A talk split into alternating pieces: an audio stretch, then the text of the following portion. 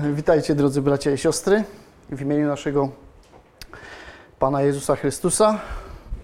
E, Na początku pastor czytał z Księgi Kaznodziei. Ja chciałbym rozpocząć z tej księgi. Jest to Księga Kaznodziei, siódmy rozdział, drugi werset. Kto ma, może otworzyć. Siódmy rozdział, drugi werset. Księga Kaznodziei. Lepiej iść do domu żałoby, niż iść do domu biesiady, bo tam widzi się kres wszystkich ludzi, a żyjący powinien brać to sobie do serca. E, Dzisiaj cytując tej księgi, chciałbym Wam zabrać w krótką podróż do domu żałoby. Do miejsca, które raczej wolimy omijać z daleka, bo przypomina nam o ulotności naszego życia. A jednak, jak mówi dalej kaznodzieja, to jest czwarty, czwarty werset, serce mądrych jest w domu żałoby. No to spróbujmy nabrać troszeczkę mądrości na tym kazaniu. Przede wszystkim odnoszę to do siebie, bo wiem, jak dużo mi jej brakuje. Jak wiemy, listopad jest takim czasem zadumy w naszym kraju. Ten czas poświęcony jest gorączkowym sprzątaniom na cmentarzach. Wielu pieczołowicie czyści i ustraja groby.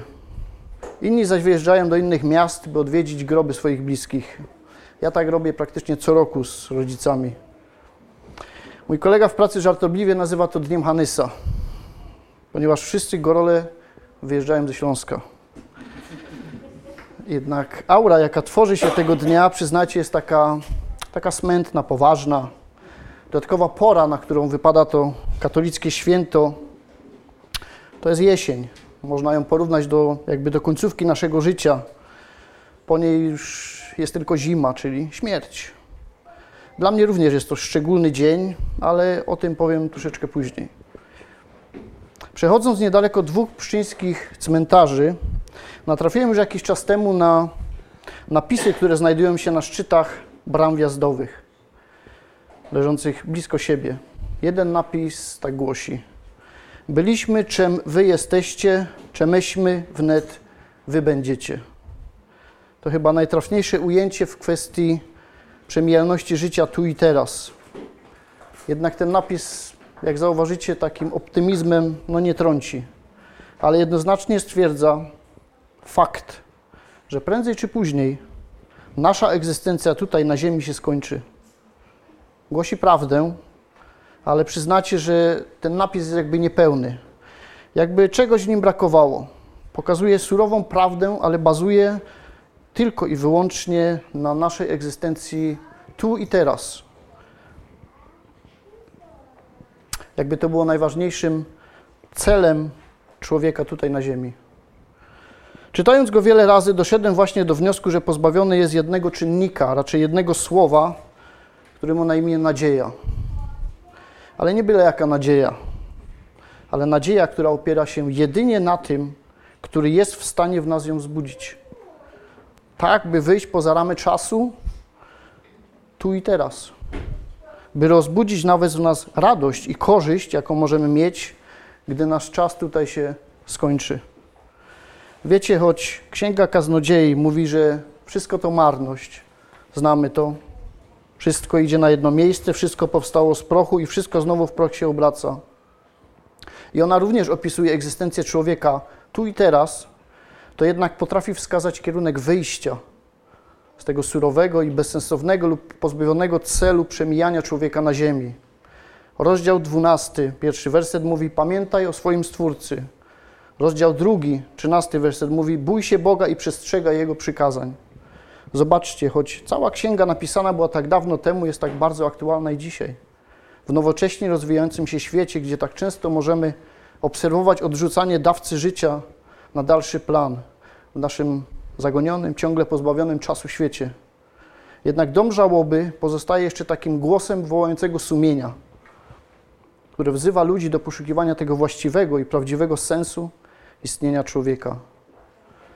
W trzecim rozdziale, jedenastym wersecie tej księgi, kaznodzieja pokazuje nam, że ten sam Stwórca życia, który obdarzył nas nim, dodatkowo zdeponował coś cennego w naszych sercach. Jest to Księga Kaznodziei, trzeci rozdział, jedenasty werset. Wszystko pięknie uczynił w swoim czasie, nawet wieczność włożył w ich serca. Wieczność, która od wieków aż po dzień dzisiejszy jest obiektem poszukiwań człowieka. W dawnych wiekach ludzie szukali eliksiru młodości lub jakichś magicznych artefaktów dających życie wieczne. Jednak poszukiwanie wieczności odbywało się wiele razy jakby w opozycji do Bożej drogi. Człowiek sam chciał ją zdobyć. Chciał być jak Bóg bez Boga. Dokładnie tak, jak obiecywał szatan pierwszym ludziom, oszukując ich zapewnieniem, że na pewno nie umrą i jednocześnie będą jak Bóg, gdy tylko zdecydują się złamać Boży zakaz. Człowiek sam chciał ją zdobyć. Chciał być jak Bóg bez Boga. Dokładnie tak. Ta fatalna decyzja miała tragiczne skutki. Nie tylko dla nich, ale jednocześnie była przekleństwem cały świat. Mówi o tym pierwsza księga Mojżeszowa. A do Adama rzekł, ponieważ usłuchałeś głosu żony swojej, jadłeś z drzewa, z którego ci zabroniłem, mówiąc, nie wolno ci jeść z niego, przeklęta niech będzie ziemia z powodu ciebie. Znowu list do Rzymian pokazuje, że ta negatywna decyzja miała skutek globalny, który rzutował również i na nas. List do Rzymian, 5 rozdział, 12 werset. Przez to, jak przez jednego człowieka grzech wszedł na świat, a przez grzech śmierć, tak i na wszystkich ludzi śmierć przyszła, bo wszyscy zgrzeszyli. Wieczność, jakiej poszukuje świat, to tak naprawdę po prostu przedłużanie życia tu i teraz. Tak, by człowiek w końcu nie umierał. Czyli taka długowieczność i egzystencja w takiej formie, jaką oglądamy dzisiaj. Wiecie, jakoś nie potrafię sobie wyobrazić takich dyktatorów, którzy żyją wiecznie, takich zbrodniarzy. No to byłaby chyba katastrofa. Nieśmiertelność wielu religii pogańskich odnosi się wyłącznie do duszy człowieka, a ciało zaś traktowane jest jak więzienie, z którego dusza zostaje w końcu uwolniona. Ale konfrontując to choćby z Biblią, to widzimy, że nasze ciała są świątyniami, a nie więzieniami. Bóg oferuje wieczność jednak nie w takiej formie, jak widzimy teraz, lecz po pierwsze usuwa stare, potem tworzy nowe, zaczynając od serca, a kończy właśnie na nowym ciele dla nas. Choć wiemy, że nasze ciało podąża przeciw duchowi i że ciało nie posiądzie Królestwa Bożego, to jednak po śmierci fizycznej nie kończymy jako duchowe istoty, ale otrzymamy w stosownym czasie nowe ciała. Zobaczcie, list do Filipian to mówi, trzeci rozdział, 20 do 21. Nasza zaś ojczyzna jest w niebie, skąd też Zbawiciela oczekujemy. Pana Jezusa Chrystusa, który przemieni znikome ciało nasze w postać podobną do uwielbionego ciała swego, tą mocą, którą też wszystko poddać sobie może. Nasze śmiertelne i grzeszne ciało, które mamy tutaj, musi umrzeć. Lub jak mówi Pismo, zostanie przemienione w okamgnieniu przy powtórnym przyjściu Jezusa. Wielu ludzi, jak mogłem przeczytać lub posłuchać, różnie patrzy na śmierć. Oczywiście nigdy to nie było, ani nie będzie nic przyjemnego. To trudny temat i zdaję sobie sprawę, że nie mam w tym doświadczenia. Jednak chciałem poruszyć ten temat ze względu na najważniejszą śmierć w dziejach całego świata, dzięki której tu jesteśmy i dzięki której ten mur nieprzyjaźni pomiędzy nami a Bogiem został zburzony. Najpierw jednak chciałbym się przyjrzeć, jaką postawę wobec śmierci mają różni ludzie w tym świecie. Słyszałem pewnego człowieka, który powiedział mi, że tak naprawdę wszystko nie istnieje. Śmierć, życie, czas nie istnieje. Przyznam, że nie potrafiłem tego zrozumieć do końca, ale być może ktoś, kto w ten sposób myśli, stara się przytłumić te właśnie myśli o realności i nieuniknionej śmierci. Tak nazywani są tak zwani eskapiści. A definicja eskapizmu to ucieczka, oderwanie się od rzeczywistości i od problemów z nią związanych. Są to ludzie, którzy faktycznie boją się śmierci, jednak bardzo skrupulatnie unikają wspominania o niej.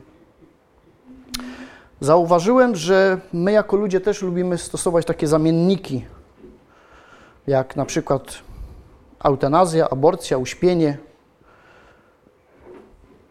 ale zastępujemy nie, ponieważ nie potrafimy spojrzeć prawdzie w oczy. A to zastępstwo już nie jest takie, które może oskarżać nasze sumienie, bo brzmi tak profesjonalnie, nowocześnie, tak naukowo. Inną postawą jest tak zwana postawa stoicka. Stoicyzm to doktryna filozoficzna uznająca za najwyższe i jedyne dobro, cnotę, rozumianą jako życie zgodne z zasadami rozumu, panowanie nad sobą, równowaga duchowa i niewzruszony spokój.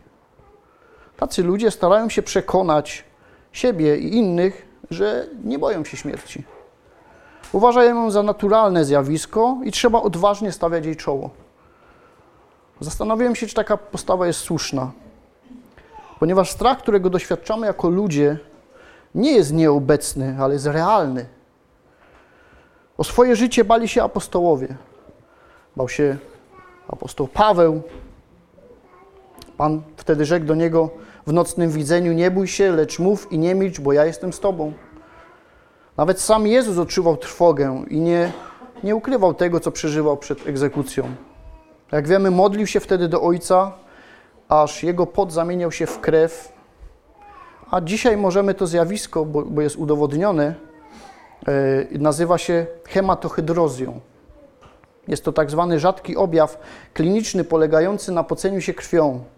Zachodzi na skutek pękania naczyń włosowatych zaopatrujących gruszoły potowe w warunkach bardzo silnego stresu fizycznego lub psychicznego. Strach jednak możemy zwyciężyć dopiero wtedy, gdy pomimo niego zrobimy to, co Bóg uważa, że powinniśmy zrobić. Dokładnie tak, jak to zrobił Jezus dla swojego Ojca. Pomimo tych wszystkich krwawych potów, pomimo wiedział, jak straszliwa śmierć go czeka, pomimo tego, że jako Bóg mógł wszystko powstrzymać i nie ponosić tak wielkiej ceny dla takich grzeszników, jakimi jesteśmy. A jednak zrobił to, choć jako jedyny we wszechświecie na to nigdy nie zasługiwał. Powiedział wtedy, jest to w Ewangelii Mateusza, w 26 rozdziale, 42 wersecie, niech się stanie Twoja wola. Jednak Wy wszyscy wiecie, ja wiem, że to my zasługujemy na śmierć. Ale wiem jednocześnie z kart Biblii, że Bóg nie chciał i nie zaplanował naszej śmierci. Chciał, żeby Bóg żył i to wiecznie, w bliskiej relacji z Nim. W bliskiej relacji ze swoim Stwórcą, ponieważ do tego został stworzony. Człowiek jako ukoronowanie Bożego dzieła został stworzony na obraz samego Boga. Zobaczcie, jakie to jest wyróżnienie spośród całego stworzenia. Na obraz samego Boga. Jednak dopiero później, gdy grzech wszedł na świat, śmierć zaczęła swoje panowanie. I trwa aż do dzisiaj. I to śmierć nie tylko fizyczna, ale i duchowa. Zobaczcie, Efezjan 2:1 i wy umarliście przez upadki i grzechy wasze. Efezjan 2:17 byliście w tym czasie bez Chrystusa, dalecy od społeczności izraelskiej i obcy przymierzom, zawierającym obietnicę, nie mający nadziei i bez Boga na tym świecie. Tacy byliśmy bez Jezusa, po prostu martwi. Nieraz możemy przeczytać lub usłyszeć, że ktoś odbiera sobie życie, nie widząc sensu i celu dalszej egzystencji lub z różnych bardzo innych, czasem trudnych i niezrozumiałych dla nas powodów. Tutaj chciałem zacytować pewnego aktora, którego uważam za jednego z najlepszych w swoim fachu, a mianowicie Robin Williams. Nie wiem, czy widzieliście go w takim filmie Patch Adams. Jeżeli nie, to bardzo polecam Wam. Jednak ten aktor w 2014 roku popełnił samobójstwo. Zmagał się z depresją, uzależnieniem od alkoholu, a także dopadały go stany lękowe. Wiecie, zdjęcia, które publikował, czy filmy, w których grał, mogły wskazywać, że ten człowiek z takim humorem, czy wspaniałą karierą powinien być szczęśliwy, a jego życie poukładane. Jednak bardzo często okazuje się, że rzeczywistość to nie film, czy zdjęcie na portalu internetowym, które możemy oglądać. To bardzo często skrywane lub zamaskowane problemy, z którymi człowiek walczy i często przegrywa. Zobaczcie, jak opisywał swoje skrywane uczucia. Kiedyś myślałem, że najgorszą rzeczą w życiu jest być samemu. To nieprawda. Najgorszą rzeczą w życiu jest być z ludźmi, którzy sprawiają, że czujesz się samotny. Te kilka zdań pokazuje mi, że ludzie mogą się przy nas tak czuć. Naprawdę samotni czy opuszczeni. Czy to w szkole, w pracy, w domu, czy nawet tutaj w kościele. Zdałem sobie z tego sprawę podczas jednego kazania, gdzie kaznodzieja przedstawił sytuację, gdy przy stole siedzi małżeństwo, jedno wpatrzone w telefon, a drugie pyta, gdzie jesteś? Pamiętacie to kazanie? Możemy być właśnie gdzieś z kimś cieleśnie, ale tak naprawdę być w zupełnie innym miejscu. To może spowodować, że ktoś przy nas poczuje się zignorowany i odrzucony po prostu. Jednocześnie pamiętajmy, a to ważne, że jako ludzie wierzący sami możemy odczuwać samotność. Gdy na przykład nie popieramy większości w jakichś sprawach, które uznajemy za niezgodne z Bożym Słowem, a które wydają się być takim normalnym zachowaniem w świecie. Jednak zauważyłem także, że samotność dopada najczęściej, gdy odkładamy na bok Boże Słowo i społeczność z wierzącymi.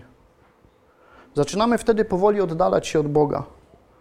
Wtedy świat zaczyna nas witać z otwartymi rękami i oferuje ogrom różnych zamienników, a jest ich tak wiele, że czasu zaczyna brakować, aby je wszystkie zasmakować. Słowo Boże zaś zaczyna być odkładane na dalszy plan. Przede wszystkim chciałem zachęcić siebie i Was, abyście nie sprawiali, by ludzie czuli się samotni tutaj czy opuszczeni. Byśmy zważali nie tylko na swoje sprawy, ale byli otwarci i wrażliwi na potrzeby innych. Byśmy umieli dostrzec ich problemy w odpowiedni sposób, dokładnie w taki, jaki pokazał nam Jezus, umieli zareagować. A jeśli czujesz się samotny, no to po co masz braci i siostry? Lub choćby pastora? No właśnie też po to, by o tym porozmawiać. Nie bójmy się otwierać przed drugim. Nie zamykajmy naszych serc. Jezus nas powołał do wspólnoty jako jedno ciało, składające się z różnych członków, jako choćby nóg, które spieszą z pomocą, albo rąk, które są wyciągnięte, by przytulić, pocieszyć, czy w odpowiedni sposób wspomóc, lub czas, który możemy wykorzystać, spotykając się wspólnie tutaj lub na środowym, na rozważaniu Bożego Słowa. Okazji mamy mnóstwo. Wystarczy kierować się miłością, bo jej nigdy za wiele. Dokładnie jak to mówił Jezus. Po tym wszyscy poznają, żeście moimi uczniami, jeśli miłość wzajemną mieć będziecie. Wiemy, co musimy zrobić, gdy zaczynamy zaniedbywać społeczność, relacje z Bogiem czy modlitwę. Ten, kto nie wie, niech otworzy Biblię i zacznie poznawać, co i jak ma robić. Tam jest cała instrukcja, krok po kroku. Jak ostatnio mówił Marcin na świadectwie, konkretne wytyczne do postępowania. Jednak wiem, że nawet gdy my oddalamy się od Niego, to jednak On pozostaje wierny i czeka cierpliwie. Nie odpowiada tym samym. Od samego początku aż po dzień dzisiejszy to my ciągle uciekamy.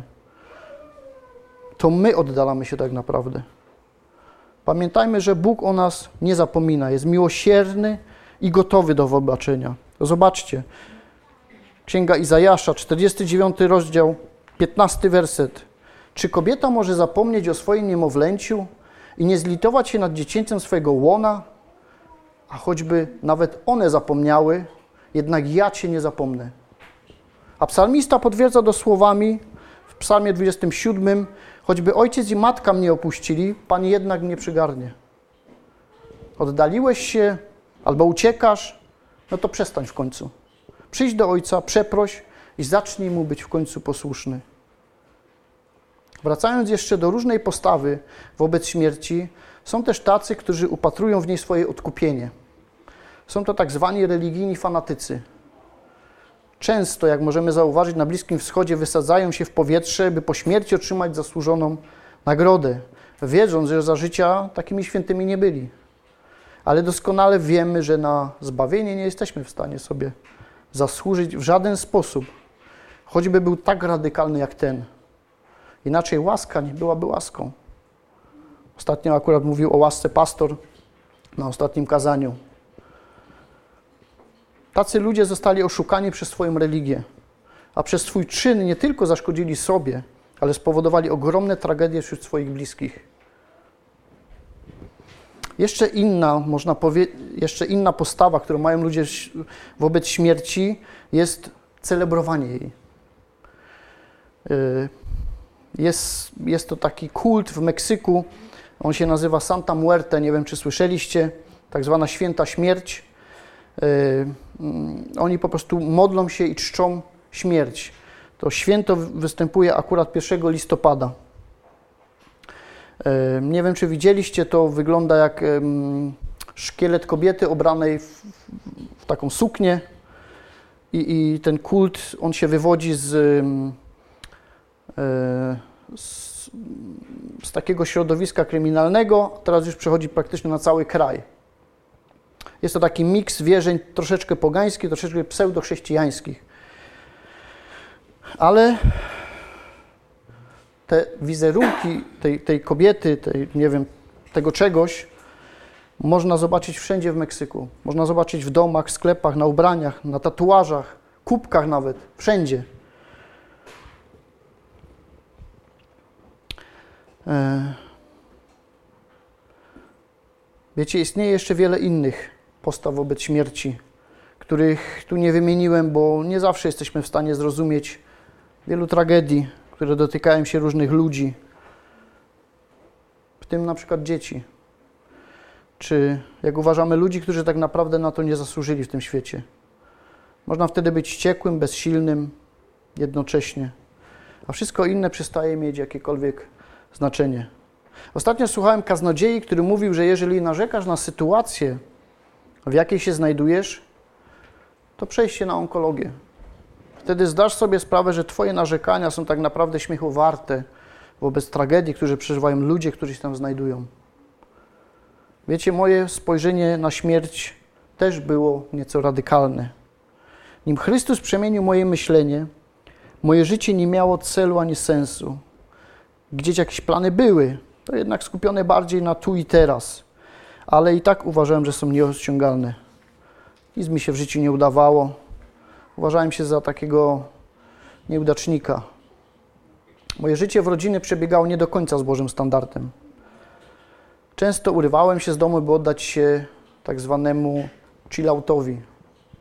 Trzeba było odpocząć od problemów, jakie mieliśmy, od żony, dzieci, zrobić sobie troszeczkę przyjemności. No przecież zasługiwałem na to. Jednak każdy taki wypad, czy to w gronie kolegów, czy gdzieś po jakiejś imprezie, gdzie w trakcie było super, bo zapominałem o świecie, to jednak gdy zostawałem sam, nachodziły mnie wciąż na nowo dręczące myśli. Co będzie ze mną po śmierci? jakby bańka dobrego samopoczucia pękała. Wracała rzeczywistość i znów przychodziły oskarżenia. Znałem ciężar swoich grzechów, jednak bałem się za nie odpowiedzieć, choć w głębi serca wiedziałem, że muszę za nie zapłacić. Kolejna, każda kolejna impreza, każdy wyskok kończył się ciągłym myśleniem o śmierci. Ten strach nie dawał mi spokoju. Wciąż myślałem, zastanawiałem się, gdzie się znajdę, co jest po śmierci. A może nic nie ma, no ale to chyba było jeszcze bardziej dla mnie przerażające. Ten etap, ten etap trwał taki dłuższy czas. Nie znalazłem odpowiedzi ani w religii, choć naprawdę ze szczerym sercem szukałem. Obserwując żywoty świętych katolickich, czytałem ich biografię, chciałem znaleźć konkretne odpowiedzi, by mieć pewność, a nie wciąż błądzić we mgle. Strach nie dawał mi spokoju aż do pewnego momentu, a dokładnie ten okres, okres przypada na jesień, kiedy Edyta, dzisiaj moja siostra w Chrystusie, przedstawiła mi niewyobrażalnie prostą Ewangelię, która sprawiła, że jednocześnie umarłem i ożyłem. Umarłem dla tego świata, a narodziłem się na nowo dla Jezusa. Będąc jednocześnie martwym przed Bogiem, stałem się żyjący dla Boga. No jak można być martwym, będąc żywym? No, mamy odpowiedzi wszystko w Bożym Słowie. Efezjan 2:1-2 i wy umarliście przez upadki i grzechy wasze, w których niegdyś chodziliście według modły tego świata, naśladując władcę, który rządzi w powietrzu, ducha, który teraz działa w synach opornych. Wtedy nastąpiły ogromne zmiany w moim życiu. Stare życie zostało oderwane, a w to miejsce pojawiło się światełko nadziei. Śmiertelny strach został pokonany. Poczułem się uwolniony od winy i narodziła się nadzieja, która stała się jak nigdy żywa i realna. Nadzieja, która miała oparcie na Jezusie, dzięki któremu zostałem uwolniony. List do Hebrajczyków, drugi rozdział, od 14 wersetu tak mówi: Skoro zaś dzieci mają udział we krwi i w ciele, więc i on również miał w nich udział, aby przez śmierć zniszczyć tego, który miał władzę nad śmiercią, to jest diabła, i aby wyzwolić wszystkich tych, którzy z powodu lęku przed śmiercią przez całe życie byli w niewoli. Zawsze myślałem, że jestem wolny. Jednak prawdziwą wolność zyskałem tylko w Jezusie. Człowiek wiele razy nie zdaje sobie sprawy, że jest niewolnikiem i zakłamuje rzeczywistość, mówić, mówiąc choćby, że to, co robi, robi to, bo lubi. Lub bagatelizuje sytuację, mówiąc, no, na coś trzeba umrzeć. No ale jak mówi Biblia? Jeśli więc syn was wyswobodzi, prawdziwie wolnymi będziecie. Tylko wtedy. Kto, ktoś mógłby mnie zapytać, czy w takim razie już nie boisz się śmierci? Oczywiście, że się boję. Ale ten strach już nie jest oparty na oskarżeniu lub na nieznanym. A wiem, że często ludzie boją się tego, co nieznane. Ten strach opiera się bardziej na bólu temu towarzyszącym lub cierpieniu, jakie mogę przeżywać. Jednak Bóg zapewnia mnie, że pomimo tego wszystkiego On jest ze mną i, nie, i nic nie jest w stanie mnie od Niego odłączyć. Zobaczcie, list do Rzymian, ósmy rozdział, od 31 wersetu. To będzie taki dłuższy rozdział, bardzo znany wszystkim. Któż nas odłączy od miłości Chrystusowej? Tak śpiewaliśmy też. Czy utrapienie, czy ucisk, czy prześladowanie, czy głód, czy nagość, czy niebezpieczeństwo, czy miecz? Jak napisano, z powodu Ciebie co dzień nas zabijają. Uważają nas za owce ofiarne, ale w tym wszystkim zwyciężamy przez tego, który nas umiłował. Albowiem jestem tego pewien, że ani śmierć, ani życie, ani aniołowie, ani potęgi niebieskie, ani teraźniejszość, ani przyszłość, ani moce, ani wysokość, ani głębokość, ani żadne inne stworzenie nie zdoła nas odłączyć od miłości Bożej, która jest w Chrystusie Jezusie, Panu naszym. Wspaniałe słowa. Teraz chciałbym, byśmy przyjrzeli się, co o podejściu do śmierci mówi Biblia. Tu pojawia się drugi napis. Nie wiem, czy, czy pamiętacie jeszcze ten pierwszy napis mentalnej bramy. Tu, na, tu pojawia się inny napis, niedaleko, na pewno wszyscy zwróciliście uwagę. Jezus żyje z nim i ja. Taki napis jest przysiągnięty tą żywą nadzieją. Zawsze, gdy tamtędy przejeżdżam, zaglądam na niego i pojawia się taki moment radości w sercu, taki grymas, wiecie, uśmiechu. Jakby Bóg mówił do mnie, że ja żyję i tak jak mówi Jezus w Ewangelii, Bóg nie jest Bogiem umarłych, lecz żywych. Mam również świadomość tego, co mówi nauka, jednak uważam, że śmierć nie jest naturalnym zjawiskiem. Dla mnie naturalnym zjawiskiem jest życie. Choć jest nieunikniona i zauważalna każdego dnia, to jednak, jak dobrze wiemy już, jest przede wszystkim karą za grzech. Jest składnikiem przekleństwa, jakie Bóg rzucił na Adama i jego potomstwo, o czym mówiłem wcześniej. Dodatkowo musimy pamiętać, że śmierć jest naszym wrogiem a w odpowiednim czasie i ona zostanie zniszczona. 1 Koryntian 15 rozdział 26 werset mówi, a jako ostatni wróg zniszczona będzie śmierć. Jednak możemy też zauważyć, że śmierć fizyczna nie jest końcem naszej egzystencji. Choć wielu ludziom może się tak wydawać. Jezus wiele razy różnych ludzi ostrzegał przed tym, co ich spotka po śmierci, jeżeli nie zmienią swojego myślenia. Spójrzmy na kolejny fragment. Przeczytam go w przekładzie Biblii Dynamicznej, ona świetnie ukazuje, a jest to Ewangelia Łukasza. Jeżeli macie, możecie otworzyć. Ewangelia Łukasza, 13 rozdział, od pierwszego wersetu do piątego.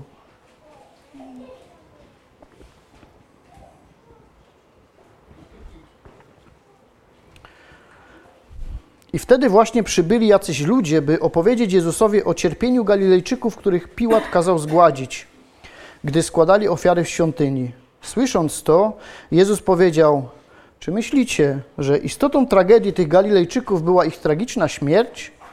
A może myślicie, że byli oni większymi grzesznikami niż inni? Wcale nie. Każdy przecież musi kiedyś umrzeć, także wy. Jednak ważniejsze jest to, byście nie zginęli na wieki. A stanie się to niechybnie, jeśli nie opamiętacie się. Przypomnijcie sobie, jak pod Gurzami wieży, która zawaliła się w pobliżu, pobliżu sadzawki Siloam, zginęło 18 ludzi. Czy sądzicie, iż była to ich największa tragedia?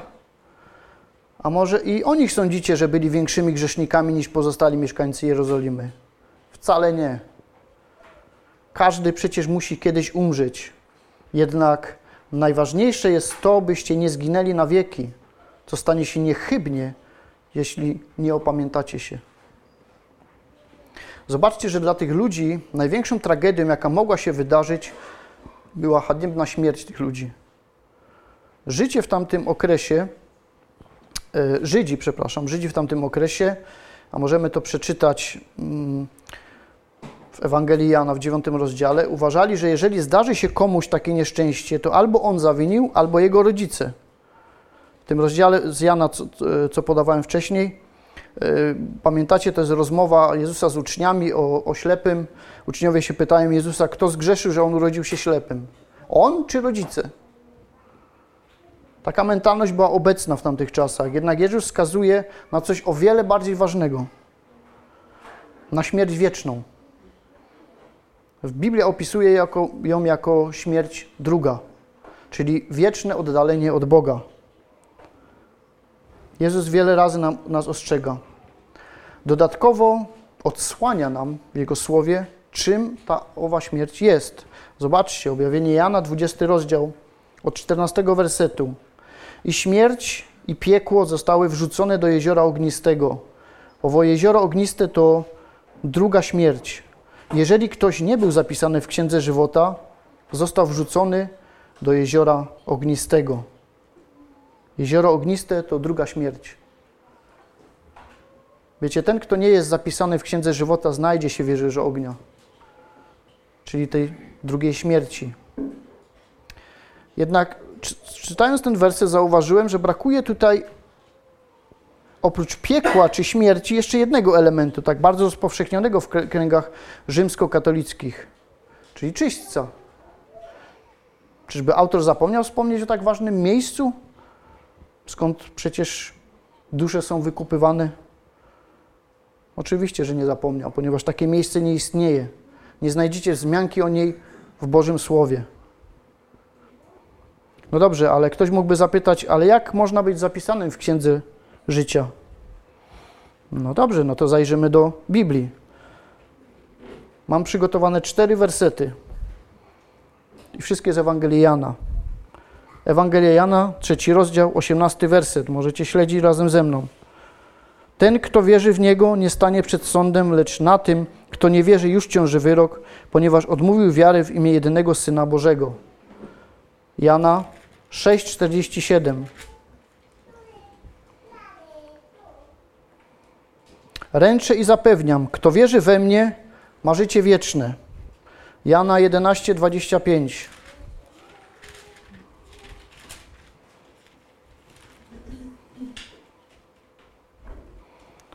Wtedy Jezus skierował do niej słowa: Ja jestem zmartwychwstaniem i, ży- zmartwychwstaniem i życiem. Kto we mnie wierzy, choćby nawet umarł, żyć będzie. I taki finalny, 20 rozdział, 30 werset i 31.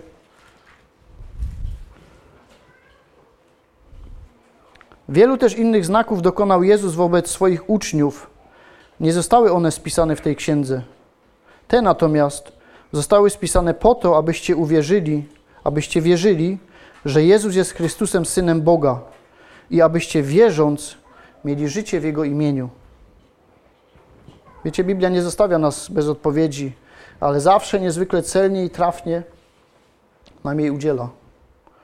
Po co słuchać tych, którzy uważają się za jedyny nośnik prawdy, skoro mamy tak cenny dar od Boga, jakim jest Jego Słowo?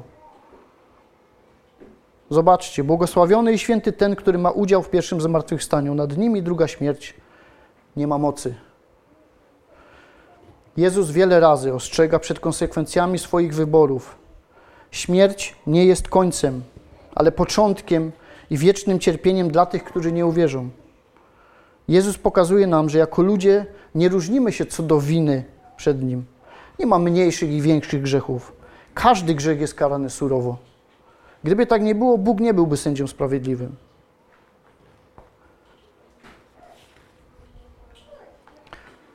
Wiem, że wielu ludzi ma świadomość popełnianych grzechów i ciąży im to. Jednak, jak mogłem zauważyć, zwykle zachowują się w taki sposób, jak pisze Jakub, bo przypatrzył się sobie i odszedł, i zaraz zapomniał, jakim jest. Jezus żyje, z nim i ja. Ten krótki tekst odkrywa trzy fundamentalne dla chrześcijanina życie, rzeczy. Po pierwsze, Jezus żyje. Jezus umarł, ale i zmartwychwstał. Umarł, ponieważ ktoś musiał dokonać takiej zapłaty, by sprawiedliwości było zadośćuczynione. A jak wiemy, żaden człowiek nie mógł temu sprostać, a jedynie nieskazitelna ofiara Jezusa. List do Kolosan, drugi rozdział, 14 werset mówi Wymazał obciążający nas list dłużny, który się zwracał przeciwko nam ze swoimi wymaganiami i usunął go, przybiwszy go do krzyża. Po drugie, skoro Jezus żyje, to poprzez wiarę i ja żyję. Żyję już tu i teraz i żył będę po śmierci. Dodatkowo nie muszę obawiać się straszliwego sądu, wiecznego oddzielenia czy drugiej śmierci. Poprzez pełne zaufanie Jezusowi zyskujemy pewność zbawienia, a nasz wzrok zaczyna sięgać zdecydowanie dalej, poza tu i teraz. Moglibyśmy powiedzieć, że śmierć zaczyna stawać się dla nas zyskiem, idąc za słowami Pawła, albowiem dla mnie życie, życiem jest Chrystus, a śmierć zyskiem. Dodatkowo nadmienię, że nasza śmierć nie przychodzi obojętnie w oczach naszego Ojca, ale jak mówi Psalm 116, drogocenna jest w oczach Pana śmierć wiernych Jego. Po trzecie, będę żył u boku Jezusa razem z Nim. Poprzez wiarę Bóg nas adoptował jako swoje dzieci. A skoro jesteśmy Jego dziećmi, to i dziedzicami. Co uważam jest czymś, co nie jesteśmy w stanie sobie nawet wyobrazić. Nic, co możemy porównać z tym życiem, nawet największe, najpiękniejsze wspomnienie, jakie mamy tu i teraz. Nie zapominajmy, że nasza ojczyzna jest w niebie. Tutaj nasze poznanie, jak wiemy, jest cząstkowe, o tym mówi Paweł. Jednak pamiętajmy, że jako chrześcijanie nie mamy oczekiwać śmierci. To Bóg decyduje, kiedy i w jaki sposób zostaniemy stąd zabrani. A Jezus dodatkowo mówi, że robotników wciąż mało. Jako chrześcijanie wiemy jednocześnie, że przeszliśmy właśnie ze śmierci do życia. I nie mam na myśli tylko życia tu i teraz, bo wtedy, jak mówi Paweł, jeżeli w tym tylko życiu pokładamy nadzieję, jeżeli tylko w tym życiu pokładamy nadzieję w Chrystusie, jesteśmy ze wszystkich ludzi najbardziej pożałowania godni. Mam na myśli życie wieczne, zbawienie, czyli cel w życiu, jaki mamy tutaj. Mówi o tym Piotr w pierwszym liście Piotra. Tego miłujcie, chociaż go nie widzieliście. Wierzycie w Niego, choć Go teraz nie widzicie i weselicie się radością niewysłowioną i chwalebną, osiągając cel naszej wiary, zbawienie dusz. Chciałem Was zapytać jeszcze na koniec, bo już będę kończył. Nie każdy odpowie sam sobie szczerze w swoim sercu. Czy ta perła, którą kupiliśmy, wyzbywszy się wszystkiego, ta perła, o której mówił Jezus, czy jest ona tak samo drogocenna, jak wtedy, gdy ją odkryliśmy? Czy dalej jest piękna i gdy patrzymy na nią, to dalej widzimy jej niezwykłość, blask? Czy dalej ma dla nas taką samą wartość, a może jeszcze większą? A może jest wręcz odwrotnie? Może stała się taka powszednia, jakby mniej blasku z niej bije. Może się zestarzała i już nie cieszy jak na początku. Odkładamy ją na półkę razem z innymi rzeczami, które przestały nas cieszyć. Albo co najgorsze, zakopałeś ją. To uważaj, byś czasem na końcu nie usłyszał sługo zły i leniwy. Ale pamiętaj i przypomnij sobie na nowo to uczucie, tą radość, to zaangażowanie, gdy ją zdobywałeś. Uchwyć jej znów w taki sposób, jak to zrobiłeś na początku, albo jeszcze mocniej. Ale przede wszystkim przyjdź z tym do Jezusa.